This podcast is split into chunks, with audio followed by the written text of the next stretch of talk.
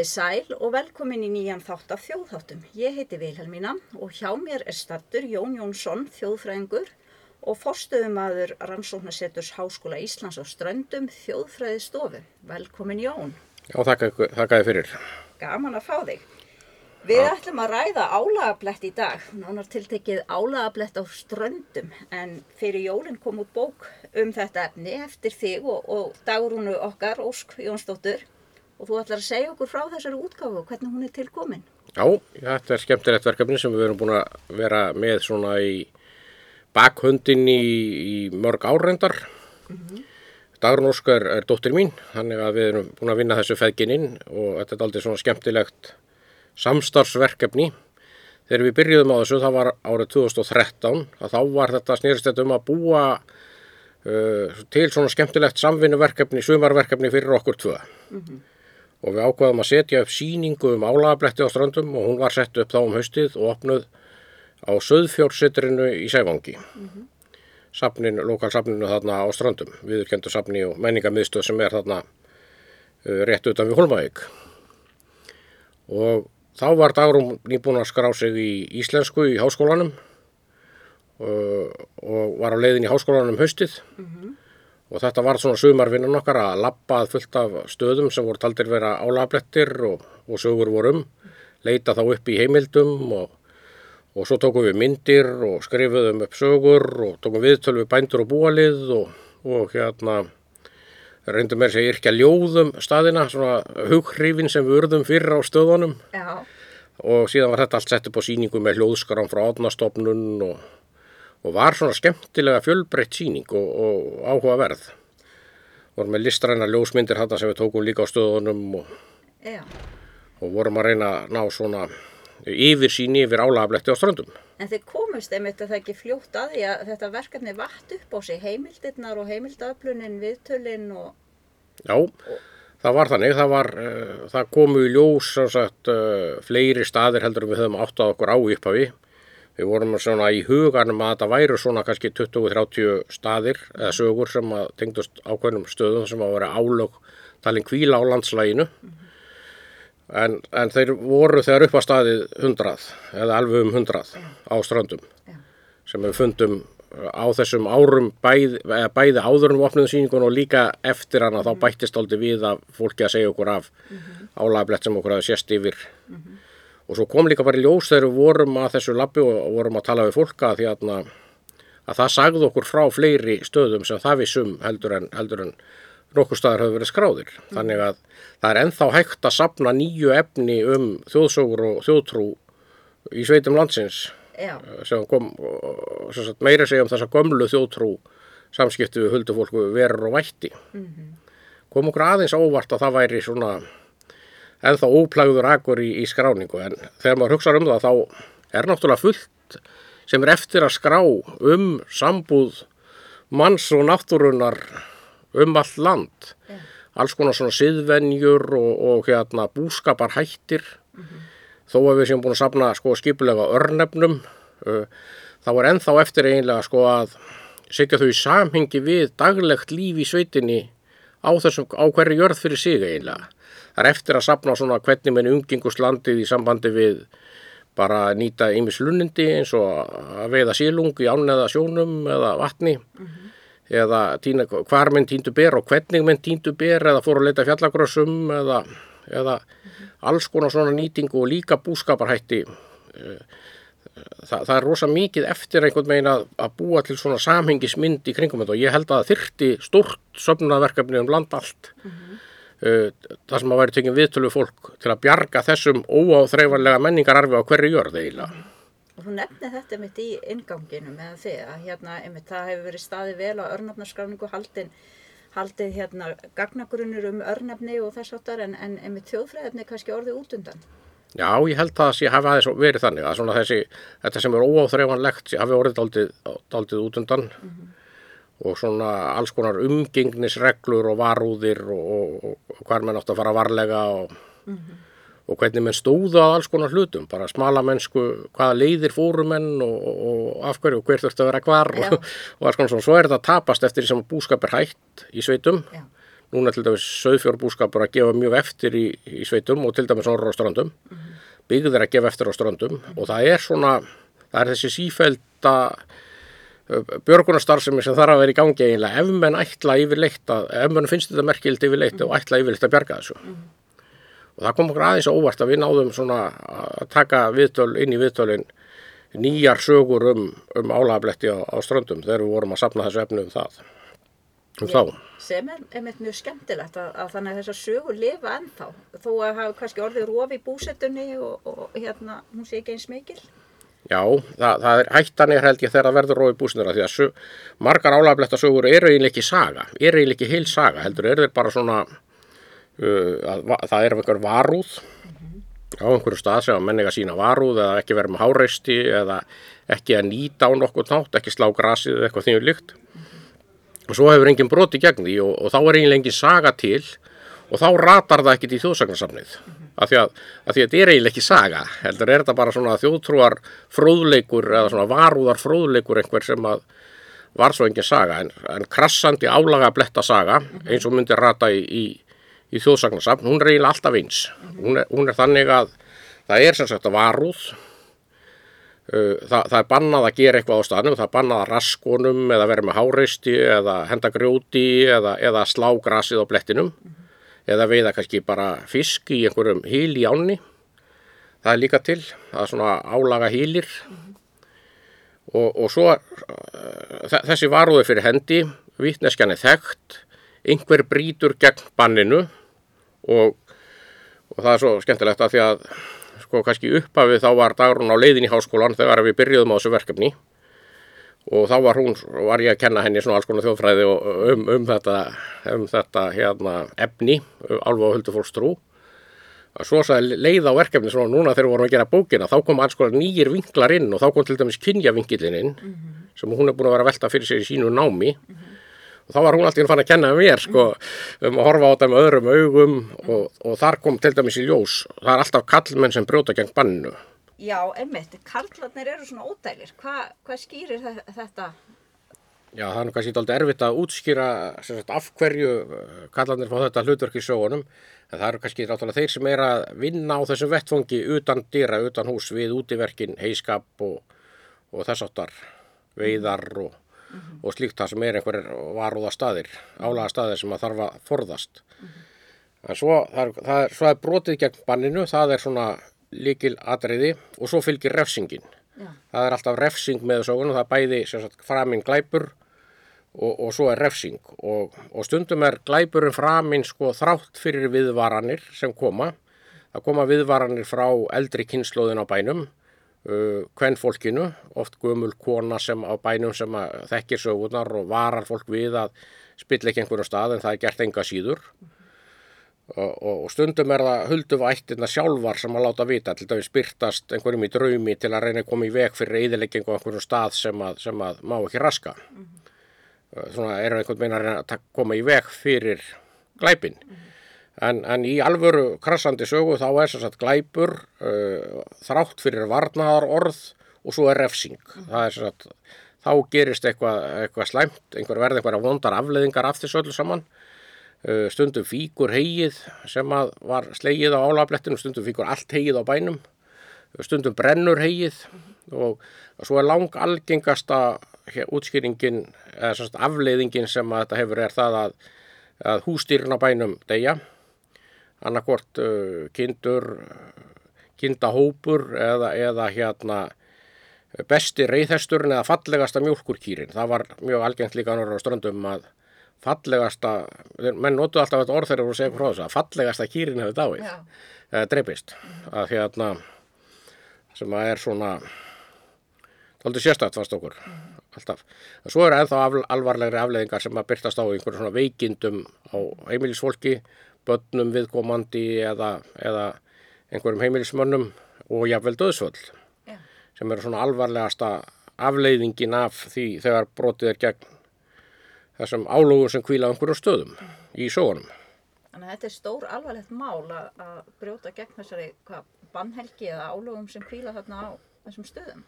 Já, já, í krassandi álafletta sögu þá er það svoleiði sko. Það, er, það er það sem gerir hana krassandi. Það er hvað þetta er lítið alvarlegum augum og hvað afleiðingarnar eru eru voru miklar. Hvað hefur alvarlegar afleiðingar að brjóta gegn banninu. En hérna, hvernig gekk ykkur að finna þessa staði? Voru þeir sýnileg, vel sínilegir í landslæginu eða? Já, það er svona dálítið misjamt og við fundum ekki alla sko. Það sem við, við lásum um í heimildum einhverja einstakastæði. Við gátum ekki staðsett á alveg nákvæmlega. En stundum er þetta alveg afmarkaður blettur, er þetta alvar, alveg afmarkaður grasblettur sem ekki má slá kannski upp á einhverjum klettum eða einhverju þínu líku uh, eða í, í túninu, einhverjum bakka við lækin eða eitthvað svona oft mjög grösugur og flottur blettur er aldrei fristandi kannski að slá hann sko. Ef að kannski lítið um hei, heifeng í, í það skiptið. Þannig að menn, ég, maður kannski skilur, hefur aðeins skilning á þess að menn láti fristast ef að, ef að vantar forða fyrir veturinn. En, en oft þá er þetta sko, líka, þetta getur líka verið bara staður eins og einhverju klettur sem má ekki vera með háreisti við eða henda grjóti við eða, eða ég vil bara hýlur í ánni. Stundum eru einstakir hýlir í ám sem maður má ekki veið í og þá, þá mun einhver drukni í ánni eitthvað sannlega í framtíðinni ef það er brotið gegn því og eða, eða þá er sögnum einhvern vætt sem á, á hýlinn og allan afla í honum og það má ekki svona ganga á rétt hans til nýtjana sko. Já.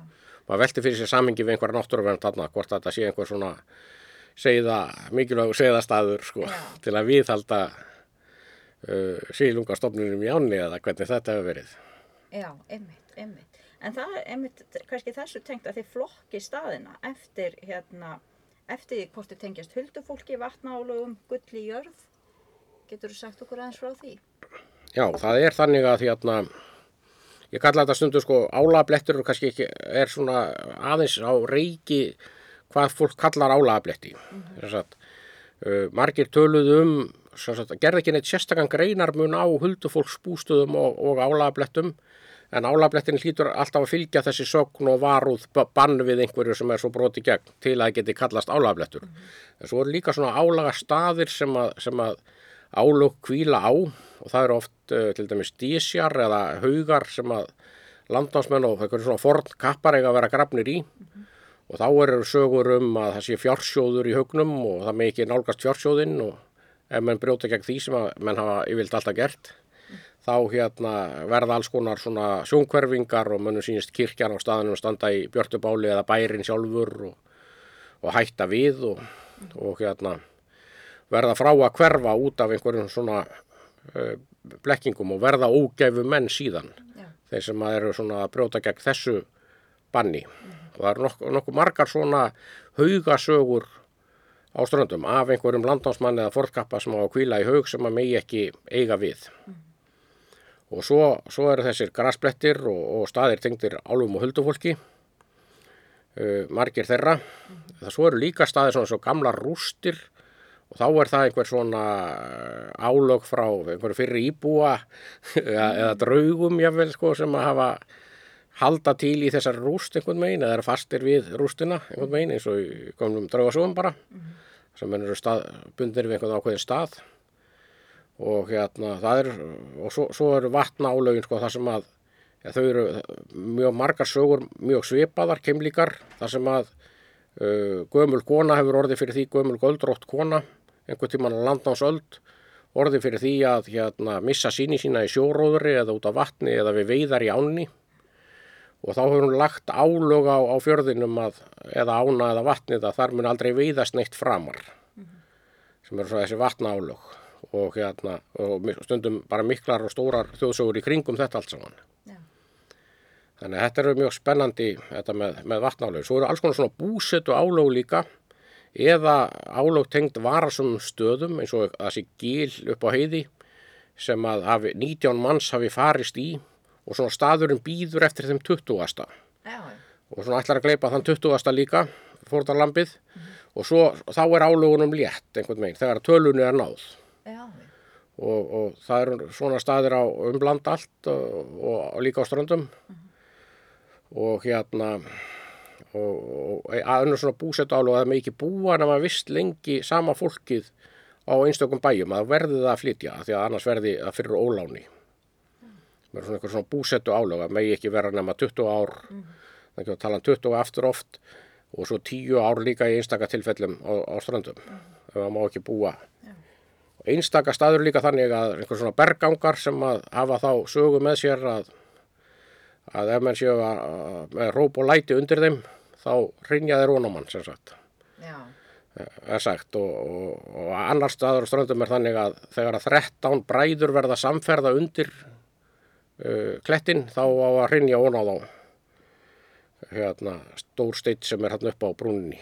Það er sem sagt margt að varast. það er margt að varast í Gott að náttúrunni þekkja þessar sögur. já, já, En svo blandast Guðmundur góði þarna inn í hjá okkur. já, Sögur af honum. það er eitt svona uh, sérstakur, við tókum hann með hann góðum góða þá sé, þessi er ekki beint álagablettir en hann fór um strandir eins og hann bara fór um all land og viðði brunna og uppsprettur og, og þess að þar og það eru kannski svona 25 staðir á ströndum uh, sem eru með uh, sögu tengda sér og guðmyndi góða og oft þá er einhver svona helgi yfir staðunum eftir það að hann výir, výir staði skriður og vöð á ám og þess aftar og eftir það á enginn að drukna eða farast í þeim skriðum eða ám. En svo er hann líka sko vatnið og brunnandi sem hann výir, það er heilsu samlegt. Það er til dæmis þrýr brunnar á ströndum sem heita allir heilsubót Já, og í þessa læki og ösprettur voru sótt uh, vatn til lækninga og þetta átti að vera sérstaklega gott við ugg, ugg sjúkdómum að bera vatn úr gvendarbrunnum í, í augusín reynsa augun og hérna og þetta er mjög áhugaverð tenging við Guðmund Góða þetta er svona álaga staðir frekar heldur en kannski álaga blettir Já. það er svona einhver, einhver þjóðsaga um álög tengd við þessa staði já. Og hérna, einmitt, og, og það sem ég finnst áhugavert við þetta er að þið bara fóruð á staðina, mynduðu staðina en töluðu líka við fólk. Já. Og fólk þekkti þessar sögur ennþá. Og Já, já. sagði ykkur jafnvel fleiri. Já, já, það kom alveg, kom alveg nýju staðir í ljós þegar við vorum að spurja fólk um, um hérna, einhver tildekinn stað sem við vorum að leita að og vildum fá svona hvort að þau vissu nákvæmlega hvar að væri að þá hérna fengum við stundum svona viðbútar sögur einhverjar eitthvað smáis og það er mjög áhugavert að svona ennþá að sapna efni sko sem er mjög spennandi og áhugavert En einmitt sko, hérna, þessi bók og ykkar rannsók, hún miðast í strandir og álagabletti á ströndum. En hérna, uh, þið fjallið um það í yngamnum að þetta er misalgengt uh, bara milli landsluta. Og það er svolítið áhugavert hvernig hérna, sögur eru ó, ó, ólíkar til dæmis varandi vesturhluta landsins og, og svo austurhluta landsins. Já, Helgi Hallgrímsson hefur bent á þetta uh, náttúrfræðingur fyrir austan, hann hefur fjallað um, skrifað um fjölda marga greinar um, um þjóðtrú. Og hérna var áhugavert að hann skulle gera það út frá þessu náttúrfræðilega bakgrunni og, og sjónarhóttni líka sko. Og hérna hann hefur bent á það hvað er, er alveg grundvallar munur á útbreyslu og fjölda álagabletta á austurhelmingi landsins og vestur hluta. Það eru miklu fleiri fyrir vestan, en svo fyrir austan þá hafa þeir aðra gerð af, af hérna, svipuðum stöðum, þó ekki alveg eins, sem eru völvuleiðin sem að, sem að menn eiga að passa upp á. Og, þá, og meðan menn passa upp á völvuleiðin þá eru sagt, þjóna þær hlutverki sem er verndarar fyrir byggðina. Verndarar fyrir fjörðin eða byggðina. Það er aðeins til af þessu, við fundum aðeins merkjum þetta á ströndum líka í sögum um svona land, hauga landnámsmanna. Eins, og, eins og hérna Yrni uh, uh, tröllkona í Ingólfsfyrði og svona landnámsmaður svona, það, er, það er svo merkilegt að sög, sögum af landnámsfólki á ströndum þá var alltaf eins og þetta sé allt saman hálftröll eða tröll Já, já. einhvern veginn. Þetta er mjög áhugaverð svona áhugaverður hópur. En hún er gegnum svona hlutverki sem verndar Ingólfsfjörðar fyrir norðan. Á meðan að haugun, haugnum hennar er síndur sómi og verðing. En veistu til þess að svona skipuleg söfnun uh, sé í gangi annar staðar? Ja, það hafa verið álagabletta safnanir sko á annars starflandinu, já. Já, ok. Uh, til dæmis í súhandaferði fyrir vestan og, og í hérna Rauðasandsreppi. uh, þar hefur verið farið skipulega yfir heimildir og, og teknir út álagablettir. Eins Bjarni Harðarsson í Árnessíslu og uh, stúlka þjóðfræðingur í, í, sem vinni hjá beðasafni Skagfyrðinga hefur gefið út smárit um álablett í Skagafyrði. Þannig að það eru fleiri staðir sem hafa farið skipulega í þetta, skoða þessa staði Já, og kemur áhugaverður landshlutamunur aðeins í ljós sko. já, einmitt. En hérna, eins og við höfum talað um að þá er þetta kingimagna sögur og það er þessi varúð sem hérna, það er einhver viðvörun og vara við og, og svo afleðingarnar ef, ef hérna, ef uh, gegn bannhelgin er brotið, eh, ef maður getur sagt svo. Uh, það er þarna saga í bókin um Góðdal og snjóflóð. Getur þú sagt frá þeirri sögu? Já, það er svona kannski, það er mest krassandi sagan sem stranda með þekkja um, um hérna álablett og, og hrikalegar afleðingar. Það er líka þegar þú stendur svo nálagt okkur í tíma og, og afleðingar þar eru svo hrikalegar í sögunni sjálfri. Og snjóflóðið í Góðdal er náttúrulega bara sögulegu viðburður sem að sko, uh, þetta verður 1948 rétt fyrir jólinn að þá eru er, hérna sjö manns heima í Góðdal. Þetta er dalur sem gengur hérna bjarnarfyrði á ströndum og það fellur svona snjóflóð á bæinn og, og það kemst ekki, menn komast ekki að því á nágranna bæjónum fyrir fjórum dögum setna og fara þá að grafa eftir fólkinu í rústum bæjarins og það er einn á lífi en þá þegar að uppi staðið. Það fundust reyndar sko dóttir hans eldri fannst líka á lífi í rústunum en dó nokkur tímum setna og vinnumadur dó eiginlega bara í höndunum á björgunumennum og með þeir voru losan úr flóðinu. En, en bóndin Jóhann uh, lifði af þetta flóð og, og hann sex létust í, í þessu slísi og, og síðan uh, mjög fljóðlega eftir það þá, þá hérna byrtast fréttir um það í blöðum á landsvísu þar sem er tekin viðtöl við Jóhann þar sem að menn hafa uh, vitað af því að húsið var talið hafa by verið byggt á álagabletti. Já. og, og menn tengja þetta mjög stert við við þessa hrikalegu hamfara sögu. Í átastofnunum í viðtölum þar þá er talsverta viðtölum við strandamenn sem að segja frá þessu og það virðist vera alveg innlagt trú þeirra að snjóflóðið hafi beinlýnis orðið af því að það var byggt á álagabletti. En svo er þessi saga náttúrulega svo hrikaleg og, og hérna uh, mikil svona, það er hægt að draga svo mikil lærdom af þessari sögu á svo margvíslegan hátt að, að hérna að, og sem er langt út fyrir álagablettin í raun og veru að því að að svona bara hvernig, hvernig menn hérna tala um slísfarir og það er líka mjög áhugavert hvernig svona stórkostlega slísfarir draga að sér þjóðsagnaminni og svona draga að sér alls konar svona yfirnáttúrulegar sögur um viðvaranir sem einhver fjekk og slapp þess vegna eða, eða, eða þá að eh, einhverja svona um einhvern verknað og afleðingar þess. Og, og svo þarna voru upp í svona þetta tengir svona allum að koma fram svona ásakanir um sko að einhver hafi gert eitthvað ránt og þess vegna hafi eitthvað orðið. Uh, þannig að þá er allt svo erfitt einhvern veginn til umræðu. Og svo blandast þöggun við sko á þessum tíma er mikil þöggun bara um allt sem er erfitt eiginlega, einhver óvænt döðsföll og erfið döðsföll, það er bara ekkert rætt um þau og menn reyna einhvern veginn að halda áfram. Og þetta væri svo lærdomslikt að skrifa um þetta bæði til að varpa ljósi á bara lífið um miðja eh, 20. öld og svo líka bara svona samfélagsgerðina og einhvern veginn svona hefðir og venjur í samskiptum hvernig talaði börn, þau átt, hjónin áttu þrjú börn sem að lifðu af að þau voru annar staðar í skóla og, og það er svona margt sko sem að, sem að tengist þessari sögu sem að væri, hún, hún á eiginlega heima í sérstakri bók Já. En ekki einhverju pínleitum kapla í okkar bók. En við erum náttúrulega bara að taka álabletta þáttinn fyrir í þessari bók. Og þetta er kannski eitthvað sem þurft endar að gera í framtíðinni. Að skrifa sögu um snjóflóði Godal út frá svona þjóðfræðilegu sjónarhóttni. Þá bæði um þjóðþátti þess samtíma og hvernig öll kerfin funkara bara með, með, með lækningar og sjúkdóma og, og hérna og, og kirkjuna og allt og svona og batna uppeldi bara. Hvað, hvað verður um fólk við svona uppákomur? Eða svona stórkoslegar hamfarir eins og þarna? Hvernig, hvernig bregðast með við og, og leysa málinn og, og svona og, og, og líka þessi þöggun þessar hlutir sem er aldrei talað um bara. Já. og þá kannski í þeim fjölskyldum sem tengjast þeim málum.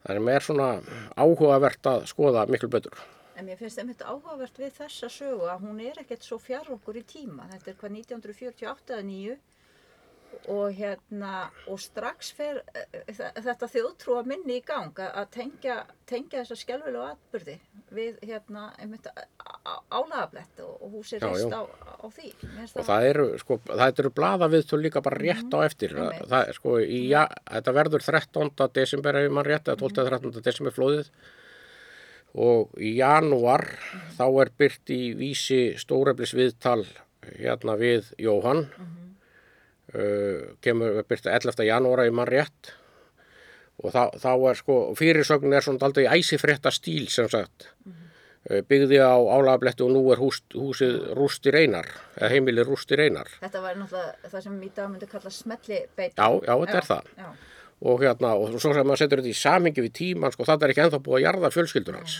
Og hann liggur sko með 40 steg að hita á, á spítalunum og býður eftir að fóturinn sé tekin af sér. Þannig að þetta er svona hérna yfir strikið svona frá samskipta sjónarhóttni svona hvernig, menn, hvernig þetta er Verið skelvilegt hérna Og. Já, já, og þess vegna er ekkert skrítið þó að menn sko líka tengja þetta svona stert að þetta er gert strax í samtíma umræðunni. Og, og það voru sögur um að sagt, hann hefði fengið viðvörun uh, að pappans vildi ekki að hann byggði húsið þarna því að þetta væri álagablettur. Og, og svo var, voru svona skýringasögur og það á ströndum um að, sem að sér í viðtölunum í átástofnun að hann hafi sko að gamli maðurinn, pappin sem að varaði við byggingunni, hann hefði sagt að þetta er alltaf lega meðan hann lifði. En svo var ekkert hægt að ábyrgjast eftir það og hann dó þarna um haustið áður en flóðið varð. En húsið hafði verið byggt tíu árum áður.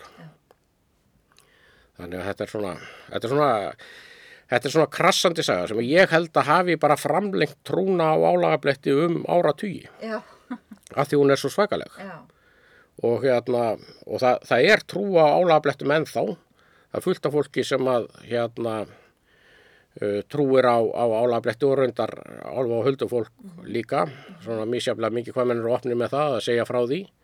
En það er alveg til í, í hérna í landinu alveg tvímanlöst svo trú og rannsóknir hafa sínt það eins og Erlendur Haraldsson gerði 1974 sálfræðingur. Uh, rannsókn á þjóðtrúar við horfum Íslendinga.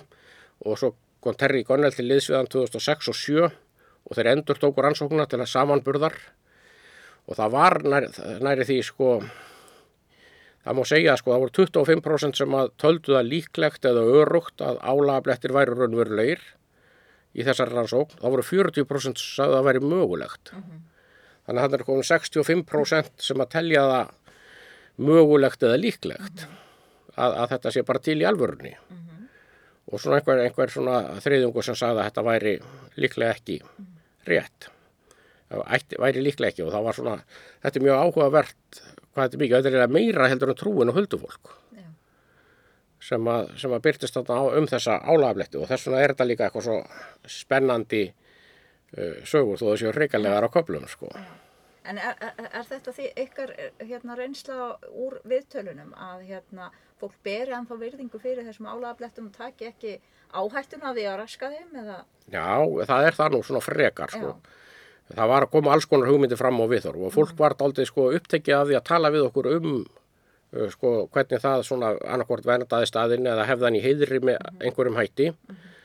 Og sögðu okkur sögur af því sko, hvernig það hefði passað upp á staðinn sinn eða svona og var pínlítið svona ánægt með sín álaflett sko má segja já. á jörðinni hjá sér. Já, en svo komu alls konar viðhorf fram og, og það kom líka sko fram að ma- margir sögðu að þeir, við trúið svona svo sem ekkert sko.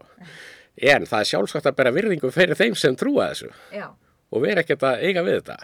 Eða þá að það sé sjálfsagt að bera, sjálfsagt að bera virðingu svo margir strandamenn fyrir gömlum þjóðsögum. Það er algjör óþarf að vera að eðalega eitthvað bara út í bláin sko.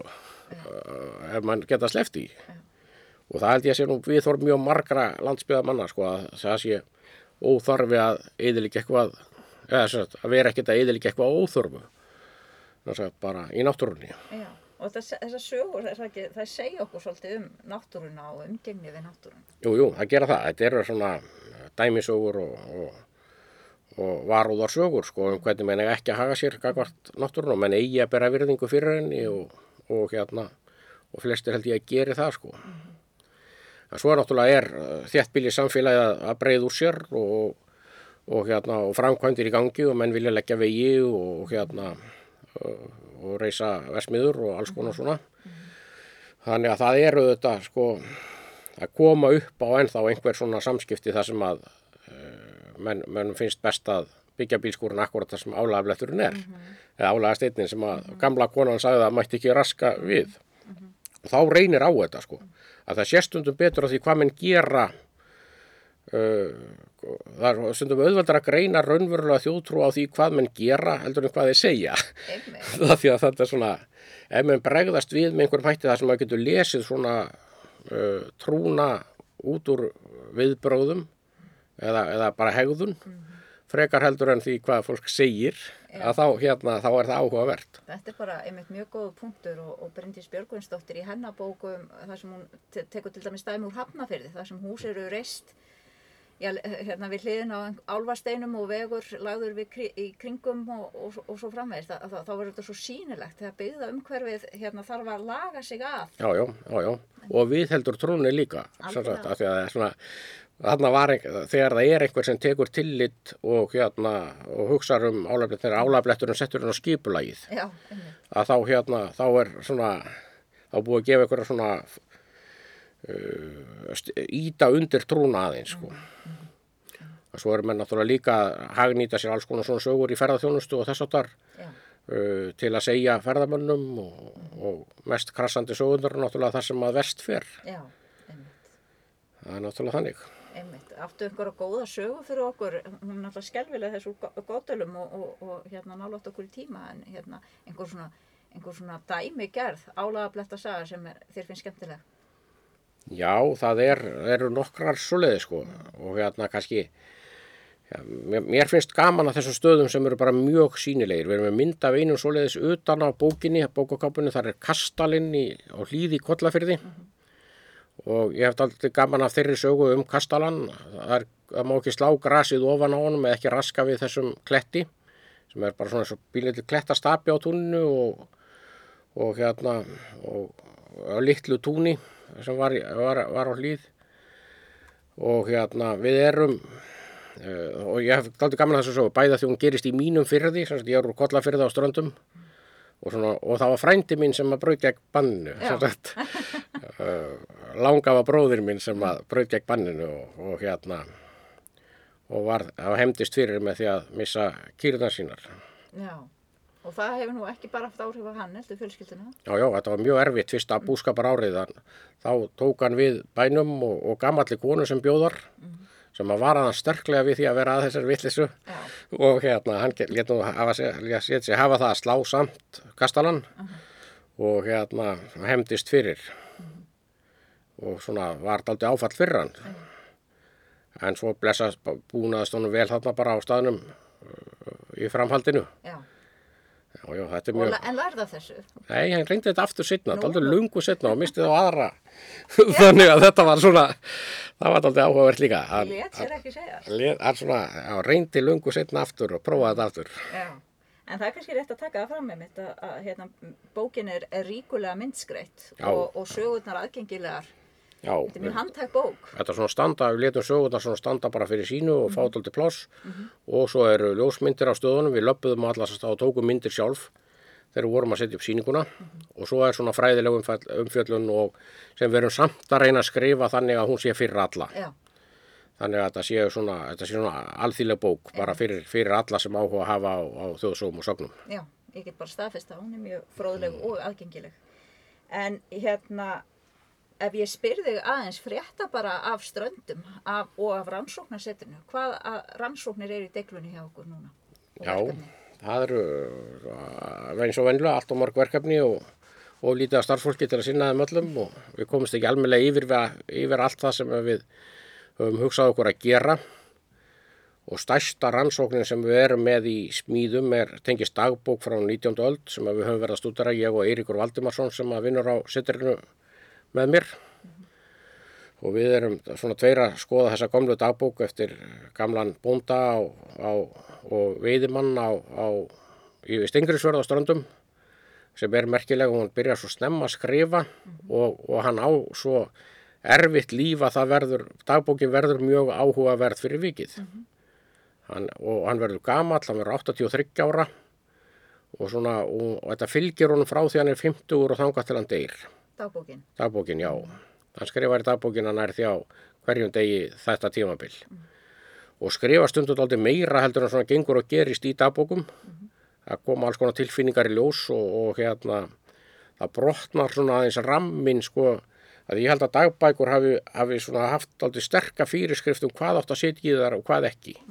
Menn átt að setja veðrið, menn átt að setja verkefni dagsins og svona eitthvað svona smá fréttir úr umhverfinu og jafnvel sko persónlega áföll voru bara settar, sett fram sem fréttir.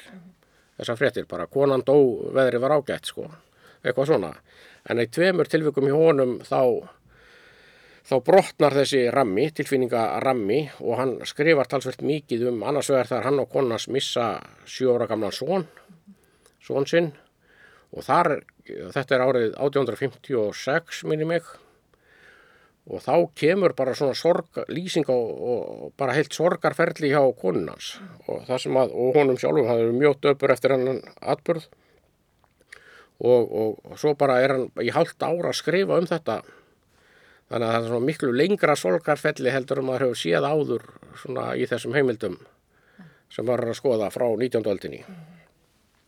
Og hann er að fara með hana til eh, á næsta bæ þar sem að er svona blóðtökumadur til að láta henni taka tak, tak, tak henni blóð gegn hugarvíli Já. sem er, hún hefur verið þunglind bara og hérna þurfur henni að lækna það með aðferðum þess tíma til að láta henni líða betur og svo þegar hann missi konuna sína þá svona brotna þessar varnir aftur einhvern veginn Já. sem er bara mjög áhugavert og svo margt annað áhugavert í þessari bók hann er svangur þarna á efri árum og allir á bænum sem hann er á fjalla bíli á ströndum sem heitir Fitjar þar voru börnin grétu úr hungri og kulda segir hann um eina páskana og hérna og er svona margt áhugavert sem að eh, svona áhugaverður heimur sem opnast fyrir mann ekki alveg í takt við það sem maður hjælt um 19. öldina og okkur langar mikið til að gera úr þessu bæði svona sínisbók og skrifa um, um þetta lífans Já. þarna. Og þetta er verkefni sem situr alltaf dálítið á hakanum að því það er svo mikið af öðrum litlum verkefnum í gangi. Uh, Það, það má segja samt að dagbækuna séu stóra rannsóknarverkefni, þjóðtrúin sé annað. Við erum mikið að velta fyrir okkur þjóðtrú bæði í samtíma og, og fortíð. Og svo má segja að gamlar ljósmyndir séu svona þriðja stóra rannsóknarverkefni sem við erum í. Og það er í tengslu við öndvegi styrk frá safnasjóði sem við vinnum með söðfjörnsveitar ströndum sem við gáum einmitt þess álafletta bók út með líka. Af því að söðfjörnsveitrið er hérna viðurkenda safnið og menningarmiðstöðun í héræðinu og við höfum unnið mikið með heima aðilum svona á menningarsviðinu eins og galdrasýningunni og söðfjörnsveitrinu og, og öðrum sem eru grunnskólunum og staðnum og erum alltaf að reyna að tengjast svona samfélag og gera, gera eitthvað jákvætt fyrir samfélagið og taka þátt í því sem þar er að gerast svona í bland við að vera í rannsóknum á landsvísu eða, eða alþjóðavísu. Já, því að rannsóknir eiga náttúrulega erindi við nærsamfélagið eins og bara þessi bók til dæmis klálega Já. sýnir svo vel. Já, og við leggjum mjög mikið upp úr þessari miðlun, sko. Að, mér finnst það, sko, að uh, fræðimenn, ekki bara þjóðfræðingar, heldur bara fræðimenn yfirleitt, er að skrifa miklu meira svona efni til liðar við fræðigreinanda sína sem þeir skrifa fyrir kollegana. Þeir eru að skrifa þungar fræðigreinar fyrir kollegana í háskólanum og háskólaganginum, svo bara tilvíðun og hending hvort að hínir kollegarnir lesa það yfirleitt að því að þeir eru uppteknir við sína rannsóknur og skrifa sína greinar. En hérna, og ef þetta er ekki á sama sviði einhvern veginn þá, þá kannski svona uh, er þetta kannski ekkit mikið lesið. En ég held að menn þurfa að gera miklu meira af því að miðla sínum rannsóknum og niðurstöðum uh, og vera miklu duglar við það og gera það bara fjölbreyttum hætti, gera það með sýningum og, og bókaútgáfu og, og ég tala nú ekki um að það væri nú hægt að taka uh, vídeovélina í notkun og gera heimildamindir og alls konar svona sem að ég held að fræðimenn ættu að reyna að vera duglegri við. Já. Og, þú og rannsóknarsetrið leggja áherslu á þetta? Við leggjum áherslu á þetta. Það eru síningar, undirbúningur í gangi líka fyrir norðan. Við ætlum að opna eina síningu uh, í hérna í vor með söðfjórsetrinu aftur sem að snýst um uh, heimsóknir kvítabjarna á, á vestfyrði Já. og það er samstagsverkefni með öðrum söfnum á vestfjörðum líka. Hún ætlar að fara á flakk um vestverði svo í framtíðinni, svo síning. Og svo erum við að vinna að, með galdrasýningunni líka að endur nýjum síningu í Bjarnarfyrði þar sem Kotbíli Kukklarans er. Uh, og það var svona enduropna þá síningu í sumar. Það var nýbúið að gera við húsið. Þetta er í tor torfhúsi á, á laugarhóli í Bjarnarfyrði. þar sem við erum að vinna þessu, þessu verkefni líka, þessum tveimur síningarverkefnum svona með öðrum, öðrum störfum. Og svo er ég að skrifa grein, samhlið er ég að skrifa grein, fræðilega grein um, um kvítabitina. Þannig að þetta er svona, er reyna, reyna að miðla með ólíkum hætti sama efninu úr því að maður er nú búin að leggja allt þetta á sig við að rannsaka það. Þetta er, ég held ég, mjög, hérna, ég held að þetta sé nálgun sem við þurfum að halda okkur við. Ég held að þetta sé bara góð loka orð og, og hérna, gott veganesti fyrir hérna, vor og sumar og hekkandi sól. Ef einhver á leið á strandir að þá eru tvær sýningar í bóði. Annars vegar íspjarnarsýning og, og hins vegar kuklarasýningin. Já, já, Kotbíli Köklarnas er alveg Já. sérstaklega skemmtilega staður. Það er svona upplifunar síning þar. Einmitt. Já, já. Eru þá þakkaði fyrir komuna? Takk kærlega fyrir bara, þetta var mjög skemmtilegt. Verið sæl. you